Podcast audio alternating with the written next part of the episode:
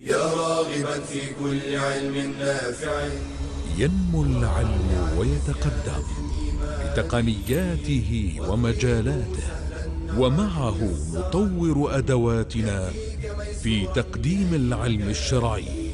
أكاديمية زاد. زاد أكاديمية ينبوعها. صاف صاف ليروي غلة الظمآن. والسيرة العلياء عطرة الشدى. طيب يفوح لأهل كل زمان. بشرى لنا زاد أكاديمية للعلم كالأزهار في البستان. الحمد لله رب العالمين صلى الله وسلم وبارك على نبينا محمد وعلى آله وصحبه أجمعين. وبعد حياكم الله إخواني وأخواتي طلاب العلم وطالبات العلم في برنامج أكاديمية زاد في هذه الدورة الثانية وهذا المستوى الثالث آه، من سيرة المصطفى صلى الله عليه وسلم. نتحدث فيه عن التعاملات النبوية. وما زلنا نتحدث عن هديه صلى الله عليه وسلم وتعاملاته مع زوجاته رضي الله تعالى عنهن أمهات المؤمنين. كان خير زوج وكنا خير أزواج. آه، من الجوانب آه، التي كان يتعامل برقي به صلى الله عليه وسلم مع زوجاته أنه كان يراعي مشاعر الزوجة. كان يراعي مشاعر الزوجة. الزوجة مثلها مثل أي إنسان مثل الذكر أيضا له مشاعر. الأنثى والذكر الرجل المرأة الصغير الكبير له مشاعر. هذه المشاعر والعواطف هناك خوف هناك حب هناك بغض هناك حزن هناك فرح هناك قلق. النبي صلى الله عليه وسلم كان يراعي مشاعر زوجاته رضي الله تعالى عنها هذه المراعاة للمشاعر معناها أن الإنسان يعرف المفتاح الذي يصل به إلى قلب زوجته.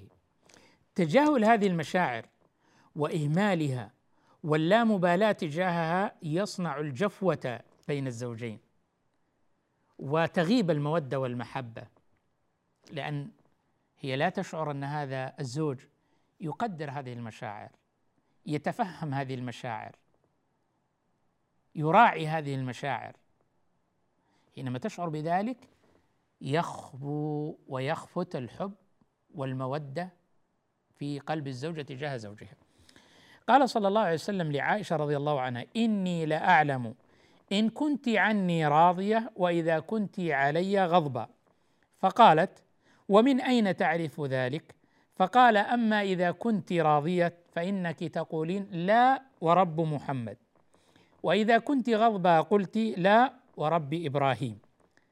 قالت عائشة أجل والله يا رسول الله. يعني صدقته على ذلك. والله ما أهجر إلا اسمك. والله ما أهجر إلا اسمك.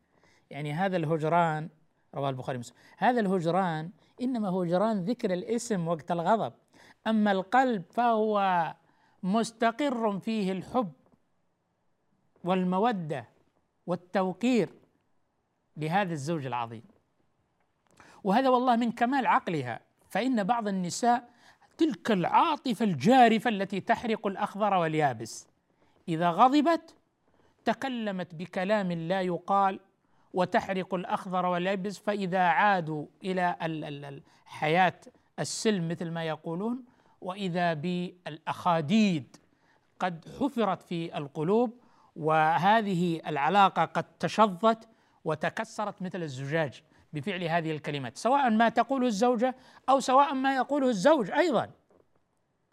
علينا أن نراعي وقت الغضب الكلمات التي نعبر بها.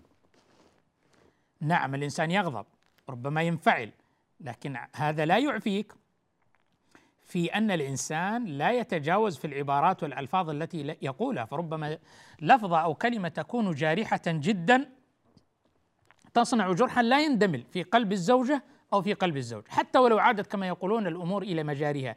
تذكر هذه الكلمة يعني مؤلم جدا في قلب آه، الزوجه أو في قلب الزوج. قالت والله ما اهجر إلا اذا هو صلى الله عليه وسلم لديه وعي تام بمشاعر هذه الزوجة وفهم بشكل كبير جدا لهذه الزوجة. من المهم جدا لتكسب هذه الزوجة ولتؤثر عليها وتقترب منها وتصنع جسورا من المودة والمحبة أن يكون كل من الزوجين على دراية بنمط شخصية الطرف الآخر حتى يستطيع أن يفهمه ويتفهمه ويحسن التعامل معه بطريقة حسنة جيدة. النبي صلى الله عليه وسلم كان يسعى في مرضاة زوجاته حتى أنزل الله عز وجل في حادثة لما حرم النبي صلى الله عليه وسلم على نفسه شرب العسل أنزل الله عز وجل يا أيها النبي لم تحرم ما أحل الله لك تبتغي مرضاة أزواجك ليس عيبا أن يبتغي الإنسان رضا زوجته في غير ما حرم الله سبحانه وتعالى وفيما لا يخالف الآداب والأخلاق والقيم والمبادئ. أن يبتغي مرضاة هذه الزوجة هذه هي زوجته رفيقة دربه وأم أولاده. فلماذا لا يبتغي رضاها؟ كما يبتغي رضا فلان رئيس رئيسه في العمل. كما يبتغي رضا زملائه وأصدقائه وأصحابه وشلته كما يقولون. والله إن زوجتك وأهل بيتك أولى الناس أن تبتغي مرضاتهم فيما لا يسخط الله عز وجل. بعض الأزواج للأسف لا يراعي مشاعر هذه الزوجة. يعني مشاعر مثلا الفرح. مراعاة هذه المشاعر أن تشاركها هذه الفرحة. الخوف مراعاة هذه المشاعر البعث على الطمأنينة. وليس الاستهانة بمخاوفها هي تخاف من شيء معين. كونك لا تراعي هذه المخاوف وتعاند وتعاكس هذه المشاعر أنت لا تشعر بهذه الزوجة.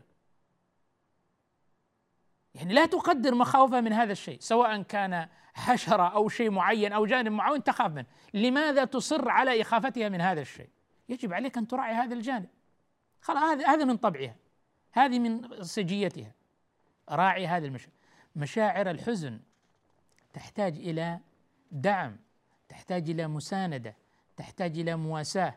ما تنسى الزوجة الوقفات الطيبة التي يقفها مع زوجها في وقت الأزمات والمشكلات ووقت الأحزان. فيأتي هذا مثل الماء البارد في الصيف. يعني يبرد هذه الأحزان ويذهب هذه الأحزان ويدخل على هذه الزوجة الفرح والسرور ويساهم في تخفيف هذه الأحزان ويواسي زوجته. لا يراعي مشاعرها تجاه غيرتها. الرجل العاقل والزوج العاقل يعلم أن هذه الغيرة هذه طبيعة مغروسة في طبيعة المرأة ومشاعرها. هكذا كل النساء حتى زوجات الأنبياء. هذه الغيرة موجودة. عليك ألا تستثيرها عليك أن تراعيها. عليك أن تتفهمها. أما قضية والله ما يهمني أقول اللي أقوله وافعل اللي أفعله وتشرب بحر مثل ما يقولون ها؟ طيب ثم بعد ذلك كيف تريد آه، تلك المودة والمحبة والتضحية والمؤانسة وحسن التبعل وأن تكون هي كما يقولون امرأة وزوجة مثالية؟ الحياة أخذ وعطاء. تفهم هذه المشاعر تقدير هذه المشاعر مراعاة هذه المشاعر تقديم الدعم اللازم والمناسب تجاه هذه المشاعر. بعض الناس لا يبالي بمشاعر هذه الزوجة ابدا ولا يعطيها شيء. طيب اذا ارضى بنتيجة هذا الأمر. لكن لا تتوقع أنت لا تبالي بمشاعرها وهي تبالي بمشاعرك وتقدر مشاعرك. الشفقة على هذه الزوجة حال مرضها. يمرض الزوج وتمرض الزوجة. إذا مرضت الزوجة فهذه فرصة ثمينة لإظهار المحبة والمودة واللطف والعطف على هذه الزوجة. كان صلى الله عليه وسلم يعوذ من يمرض من أهل بيته. يضع يده عليه ويقول اللهم رب الناس أذهب الباس أشفي أنت الشافي لا شفاء إلا شفاؤك شفاء لا يغادر سقما. رواه البخاري ومسلم. ما أثر هذه اللمسة؟ بعد الفاصل نتعرف على أثر هذه اللمسة. بشرى لنا زاد أكاديمية للعلم كالأزهار في البستان.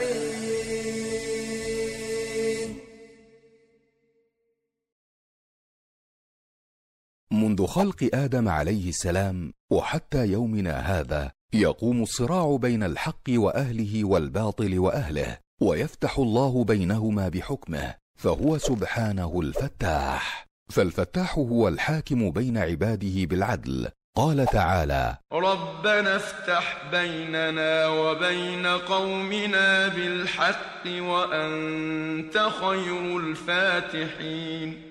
احكم بيننا وبينهم بحكمك الحق الذي لا ظلم فيه. وفتحه تعالى بحكمه أنواع. منها فتحه بحكمه الشرعي فيما شرعه على ألسنة رسله. وفتحه بنصر أوليائه ودحر أعدائه. وفتحه بحكمه القدري فيما يقدر على عباده من خير وشر. والفتاح هو الذي يفتح لعباده أبواب الرزق والرحمة. ويفتح لهم من غلق عليهم من أمورهم فيغني فقيرا ويسهل مطلبا ويفرج عن مكروب. قال تعالى ما يفتح الله للناس من رحمة فلا ممسك لها وما يمسك فلا مرسل له من بعده.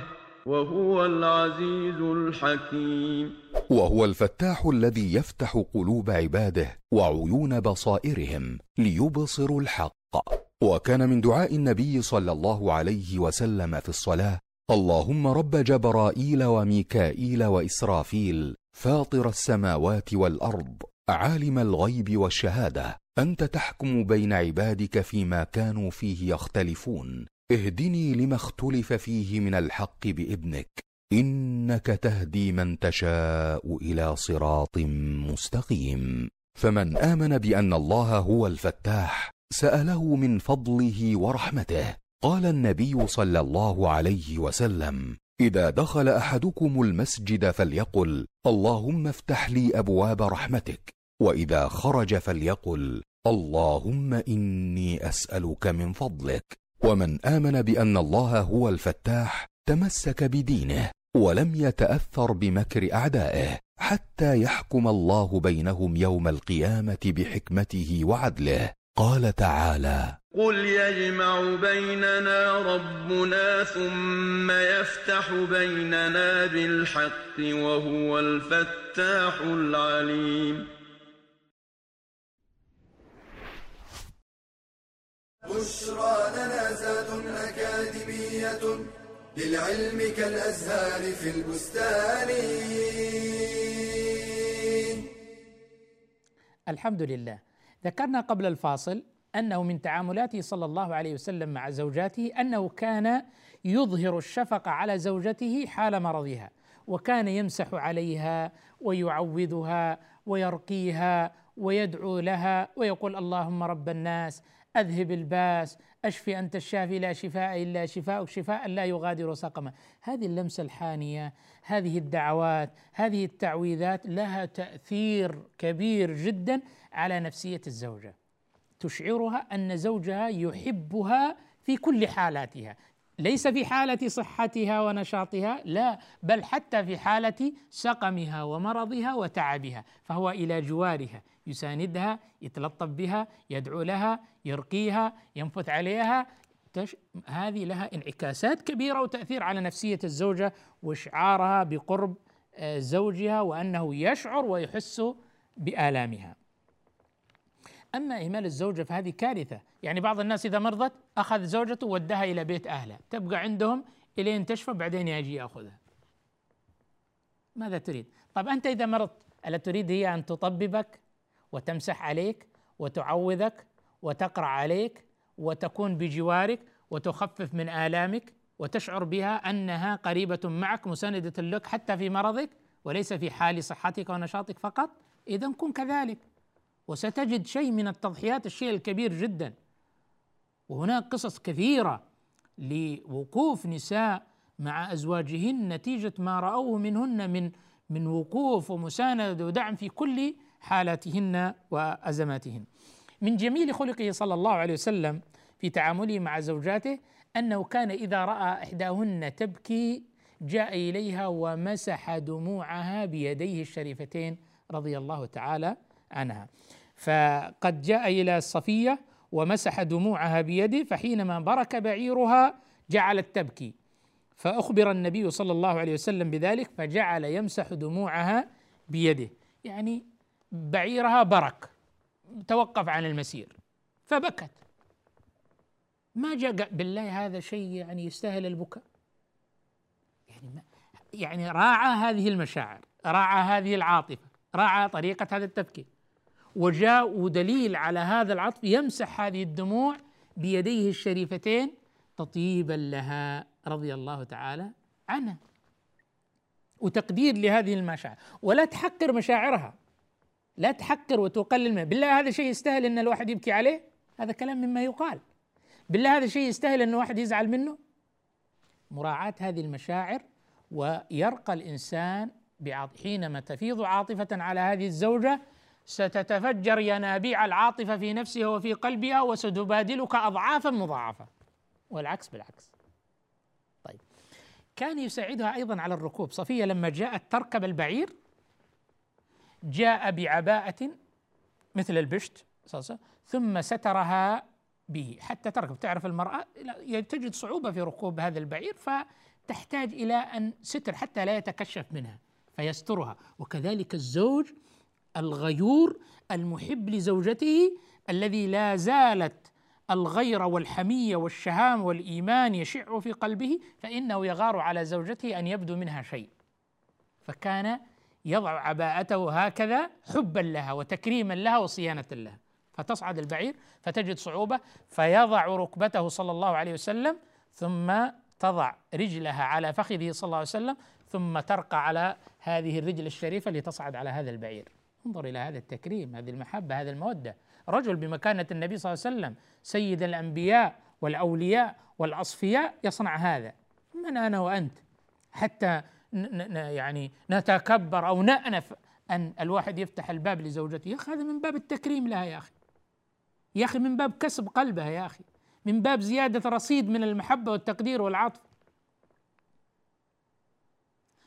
طيب أيضا من حسن عشرته صلى الله عليه وسلم أنه مع أنه لم يولد له صلى الله عليه وسلم إلا من خديجة رضي الله عنها إلا أنه لم يعير واحدة منهن أنها لم تنجب. ما عير واحدة منهن. العشر. ما قال له انت انت عاقر. وقت غضب ولا؟ وأحمد ربي أنا رضيت بك على ما انت عليه. إما من سن أو مرض أو آه لا تنجب ما عيرها صلى الله بأبي هو وأمي صلى الله عليه وسلم. تعيير الزوجة ببعض العيوب تعيير الزوجة ببعض العيوب يصنع جرحا غائرا في نفسية الزوجة. يباعد ما بين القلوب. يجعل هناك تصميم على الاستمرار على هذا العيب. سواء في الزوجة ولا غير الزوجة. لكن هذا الأسلوب وهو التعيير والتنقص هذا لا يعدل سلوكا ولا يصحح انحرافا ولا يعدل خطأ وإنما يعمق هذه الأخطاء ويباعد هذه الفجوة. لأن هذا التعيير هو كسر للمرأة. كان عليه الصلاة والسلام أيضا لينا مع زوجته. لينا من غير ضعف. قال جابر رضي الله عنه وكان رسول الله صلى الله عليه وسلم رجلا سهلا لم يكن صعبا عليه الصلاة والسلام. كان رجلا سهلا. إذا هويت زوجته شيئا تابعها عليه. وكانوا يقصدون عائشة في الحديث رواه مسلم. وذلك في المباح دون المحرم. يعني الشيء اللي تهوى عائشة رضي الله عنها يتابعها فيه. تريد تنظر إلى الأحباش وهم يلعبون بالحراب يوم ف ينتظر وهي تضع ذقنها على كتفه صلى الله عليه وسلم وتنظر. وحتى تقضي حاجتها. ويسابقها في السفر. الذي تهوى وتحبه من المباح فإنه يوافقها فيه. في سهالة ما في صعوبة ما في تعقيد ما في تعنت ما في, في بعض الأزواج الأصل فيما بينهما في العلاقة المعاندة. المعاندة والمعاكسة. والصعوبة والوعورة لدرجة أن المرأة المسكينة تخشى أن تفاتح زوجها في شيء تريده من المباح الذي يستطيعه ويقدر عليه ولا مشقة لها عليه فيه. مع ذلك تتخوف. وهي تفكر لا صعب ما يمكن. يلا كلموا أبوكم. ما يرضى. وإذا قالت شرق قال غرب وإذا قالت شمال قال جنوب وإذا قال أحمر قال أصفر. أخضر أبيض أسود يمين يسار. يعني قائمة على المعاندة وقائمة على المعاكسة. ففرق كبير هذا اللين وحتى كان يدللها ويقول يا عائش ترخيما لها ويكنيها يقول لها يا أم عبد الله تطيبا لخاطرها وإن لم يأتي لها ولد. فكان يكنيها ويدللها ويرخم في ندائها. يعني حتى من الوسائل الجميلة فرق بين نمطين من الأزواج. نمط يضع اسم زوجته في جواله رفيقة دربي حبيبة قلبي أم فل يعني وآخر يضع من الأسماء القبيحة والأسماء المزعجة التي تدل على ذلك النفور.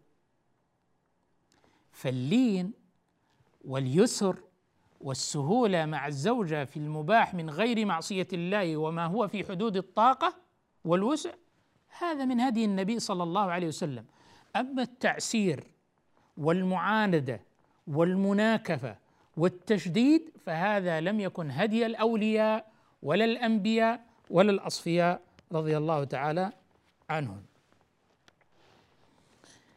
كان من هديه صلى الله عليه وسلم في تعامله مع زوجاته أنه كان يحثهم على الطاعة، يحثهم على طاعة الله عز وجل وعلى عبادة. رأينا هذا الرقي في التعامل والمحبة والتلطف والتصريح بالحب واللين لكن لا يعني هذا التهاون معهم في أن يفرطوا في عبادة الله وفي طاعة الله سبحانه وتعالى. فكانت عائشة تقول رضي الله عنها كان النبي صلى الله عليه وسلم إذا دخلت العشر شد مئزره وأحيا ليله وأيقظ أهله. يوقظهم لصلاة الليل ولقيام الليل. وكان يصلي صلى الله عليه وسلم من الليل فإذا أوتر قال قومي يا عائشة فأوتري. كان يأمرهن بالعبادة والصلاة. من يوقظ صويحبات الحجر؟ فرب كاسية في الدنيا عارية في الآخرة. يعظهم ويذكرهم ويخوفهم بالله سبحانه وتعالى ويأمرهم بطاعة الله عز وجل وعبادته سبحانه وتعالى. فمن التعاملات النبوية مع الزوجة حثها على العبادة حثها على الطاعة على الصلاة المحافظة على الصلاة التبكير في أداء الصلاة الصلاة كما صلى النبي صلى الله عليه وسلم يحثها على الحجاب يحثها على الصدقة يحثها على الصيام يحثها على الوتر يحثها على ذكر الله عز وجل يحثها على تلاوة القرآن يحثها على الأعمال الصالحة ولا يترك زوجته خلية. هكذا لا طاعة ولا عبادة ولا أمر بالمعروف ولا نهي. عن منكر بشرى لنا زاد أكاديمية للعلم كالأزهار في البستان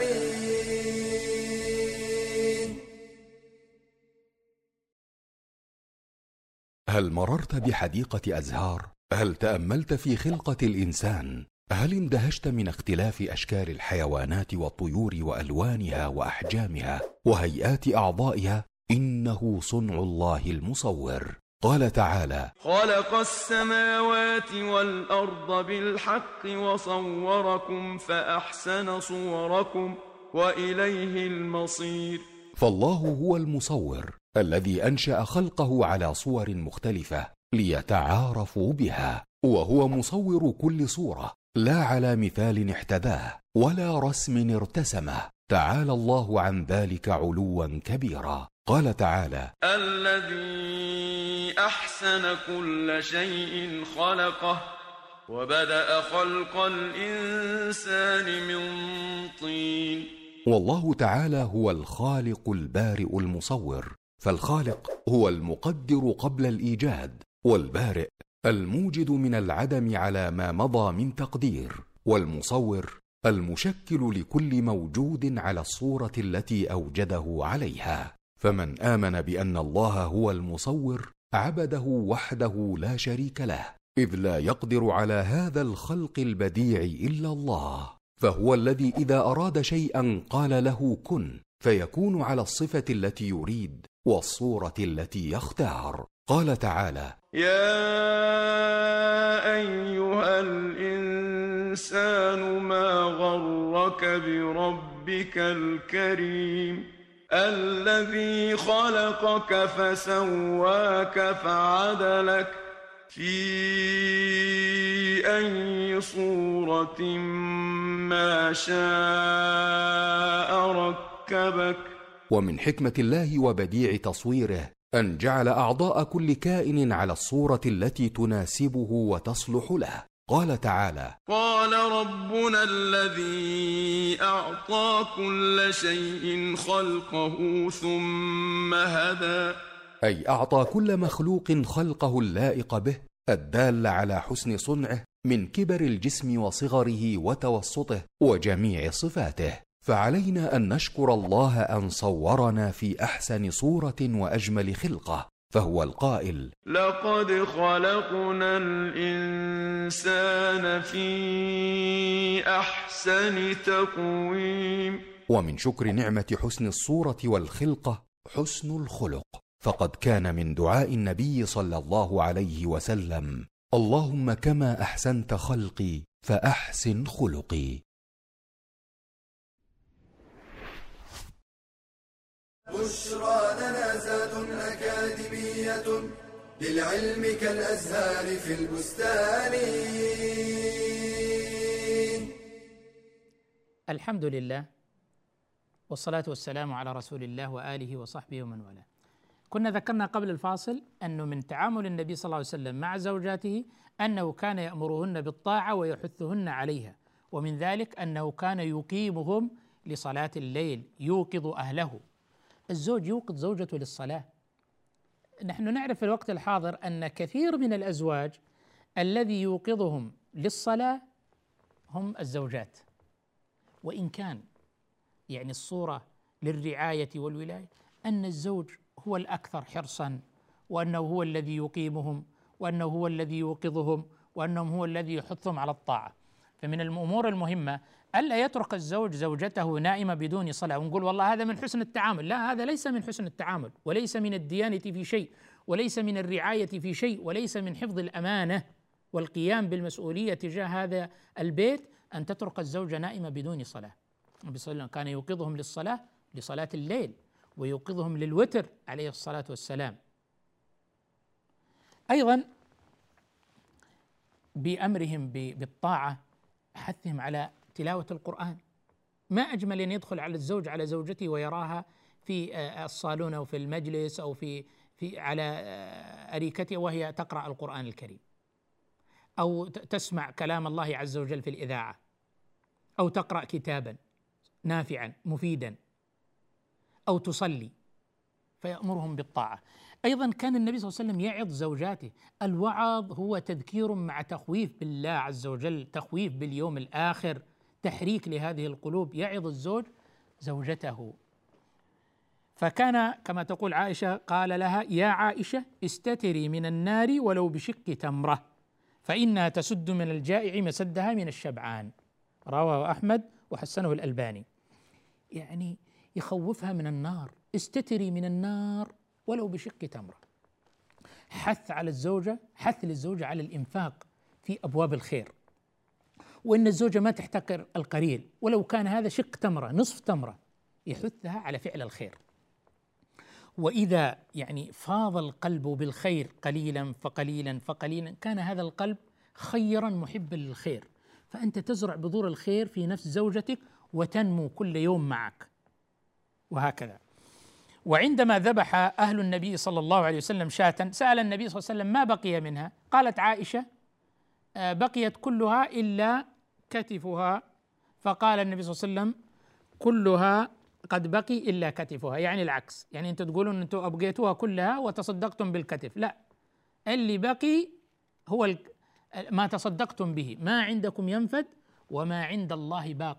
إذا تحفيز الزوجة وحظها على الإنفاق في سبيل الله وعلى الإحسان وعلى المعروف وبذل الخير ونؤيدهم على ذلك ولا نكثر من لومهم على فعلها للخير ولا يعني إنه الزوجة إذا تصدقت من مال زوجها فإن لها أجر إذا كان برضا زوجها وعن آه، إذنه. اذا كان يعظهم يذكرهم بالله واليوم الآخر يخوفهم بالله عز وجل آه، يحثهم على العبادة وكان أيضا عليه الصلاة والسلام ينهى زوجاته ونسائه عن المنكر. يعني في الحلقات الماضية واللقاءات الماضية كنا نتكلم عن لينه صلى الله عليه وسلم عن حنوه عن صبره عن بذله وعطائه عن مؤانسته عن خدمته لأهله. كل هذه أشياء جميلة وتلطف وتصريح بالحب لكنه أيضا كان يأمرهم بالطاعة ويأمرهم بالعبادة ويعظهم ويخوفهم بالله ويذكرهم باليوم الآخر وما أعده الله عز وجل لعباده من العذاب ومن النعيم. العذاب للمسيئين والنعيم للمحسنين. كان أيضا ينهاهم عن المنكر. كان لا يقر المنكر في بيته ولا يقر المنكر في أهله ولا في أولاده ولا في زوجته لا في قولهم ولا في فعلهم ولا في ألفاظهم ولا في عباراتهم. لما سمع عائشة تقول لليهود عليكم السام واللعنة لأن فهمت كلامهم لما كانوا يقولون يا محمد السام عليك يعني الموت لك. قالت وعليكم السام واللعنة وغضب الله. فقال يا عائشة ما قالت ما سمعت ما يقولون؟ قال نعم ورددت عليهم قلت وعليكم يكفي.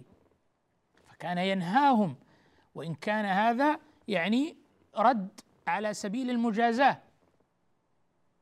وأيضا لما دخل النبي صلى الله عليه وسلم بيت عائشة وفي البيت قرام فيه صور ستر يعني أشبه بالستارة. وهذه الستارة كان فيها صور من ذوات الأرواح. فتلون وجهه صلى الله عليه وسلم يعني تغير وجهه. ثم تناول الستر فهتكه يعني نزعه ومزقه. وقال إن من أشد الناس عذابا يوم القيامة الذين يصورون هذه الصور رواه البخاري. اذا هذاك الذي كان محب ويصرح بالحب ولطيف ولين ومحسن ويخدم أهله وفي مهنة أهله وكان معهم فيما يهوون في غير محارم الله وسخطه كان يأمرهم بالمعروف وينهاهم عن المنكر ويدلهم على طريق الله. يدخل البيت يلاحظ هذا ليس زوجا مغفلا هذا رجل مؤمن صادق معلم مربي مصلح يريد لهذا البيت أن يكون بيت صالح كما أمر الله عز وجل وكما أراد الله سبحانه وتعالى. بيت تغشاه الرحمة بيت تغشاها يعني وتملأه الطاعة والسكينة. يدخل يرى هذا الستر منكر ستارة عليها صور صور ذوات الأرواح. إن الملائكة لا تدخل بيتا فيه صورة سواء كانت هذه الصورة رسم كما في هذه الحال رسم على قماش أو كانت تماثيل هذه أشد. وهم أشد الناس عذابا يوم القيامة. لو تأملنا في هذا الحديث لوجدنا ثلاثة أمور من هذا الإنكار. أول شيء فتلون وجهه تغير وجهه. وهذا يعني بمعنى إظهار الاستياء من وجود منكر أو معصية في البيت وعدم قبولها. هذا مما يشيع السكينة والمحبة والمودة والاستقرار وأن يشيع الحب وأن يغمر هذا البيت السعادة والهناء ألا يكون هذا البيت مستقر لمعصية الله عز وجل. تغير وجهه تلون وجهه إظهار الاستياء. إيه، أن أنا ما أنا راضي عن هذا الوضع ولا أقبل هذا الوضع. لا يمكن أن أقر في بيتي ما يسخط الله عز وجل. هذا من خلال وجهه. ثم هتك الستر أخذه ومزقه لأنه هو والي. من رأى منكم منكرا فلينكر فليغيره بيده. فإن لم يستطع فبلسانه فإن لم يستطع فبقلبه وذلك أضعف الإيمان. وفي رواية وليس وراء ذلك من الإيمان حبة خردل. هذا الرجل في بيته. هذا الرجل هو الوالي على بيته هو الراعي لهذا البيت. فمز أنكر بيده أخذ هذا الستر ومزقه. وهذا الحديث في صحيح البخاري في أصح الصحيح. إنكار باليد تغيير باليد. هنا تغيير باليد لأنه في حدود الاستطاعة وهو تحت المسؤولية أمام الله عز وجل. ثالثا قال إن من أشد الناس عذابا يوم القيامة الذين يصورون هذه الصور. وهذا إنكار بالقول وبيان لشناعة وخطورة هذا الأمر الذي وجده في البيت. إذا في إقناع في دليل في بيان في توضيح في إظهار استياء بالوجه وتلون وتغير وعدم رضا. هذا سيجعل البيت بإذن الله عز وجل بيت خير وبيت طاعة وبيت سعادة بإذن الله عز وجل وسكينة. فهذا أيضا من شأنه صلى الله عليه وآله وسلم كيف كان عليه؟ أنه ما يقر المنكر في بيته. اليوم وللأسف في كثير من بيوت المسلمين يريدون السعادة ويسألون عن السعادة الزوجية. وكيف تصلح البيوت؟ وكيف تكون بيوتنا عامرة؟ تسأل الزوجة كيف أجعل زوجي يحبني؟ ويسأل الزوج كيف أجعل الزوجة هذه تحبني؟ كيف نقضي على هذا الخلاف وهذا الشجار وهذه المشكلات التي تعصف بالبيت؟ يا أخي وجود هذه المعاصي مما يسخط الله ويغضب الله في البيت وجود الشياطين وأصبح البيت مرتع للشياطين هذا مما يسبب مثل هذه المشكلات. أسأل الله سبحانه وتعالى بأسمائه الحسنى وصفاته العلى أن يرزقنا الاقتداء بنبيه صلى الله عليه وسلم في تعاملاته كلها. والحمد لله رب العالمين. يا راغبا في كل علم نافع. متطلعا لزيادة الإيمان وتريد سهلا النوال ميسرا يأتيك ميسورا بأي مكان. زاد زاد أكاديمية ينبوعها صاف صاف ليروي غلة الظمآن. بشرى لنا بشرى لنا بشرى لنا زاد أكاديمية للعلم كالأزهار في البستان.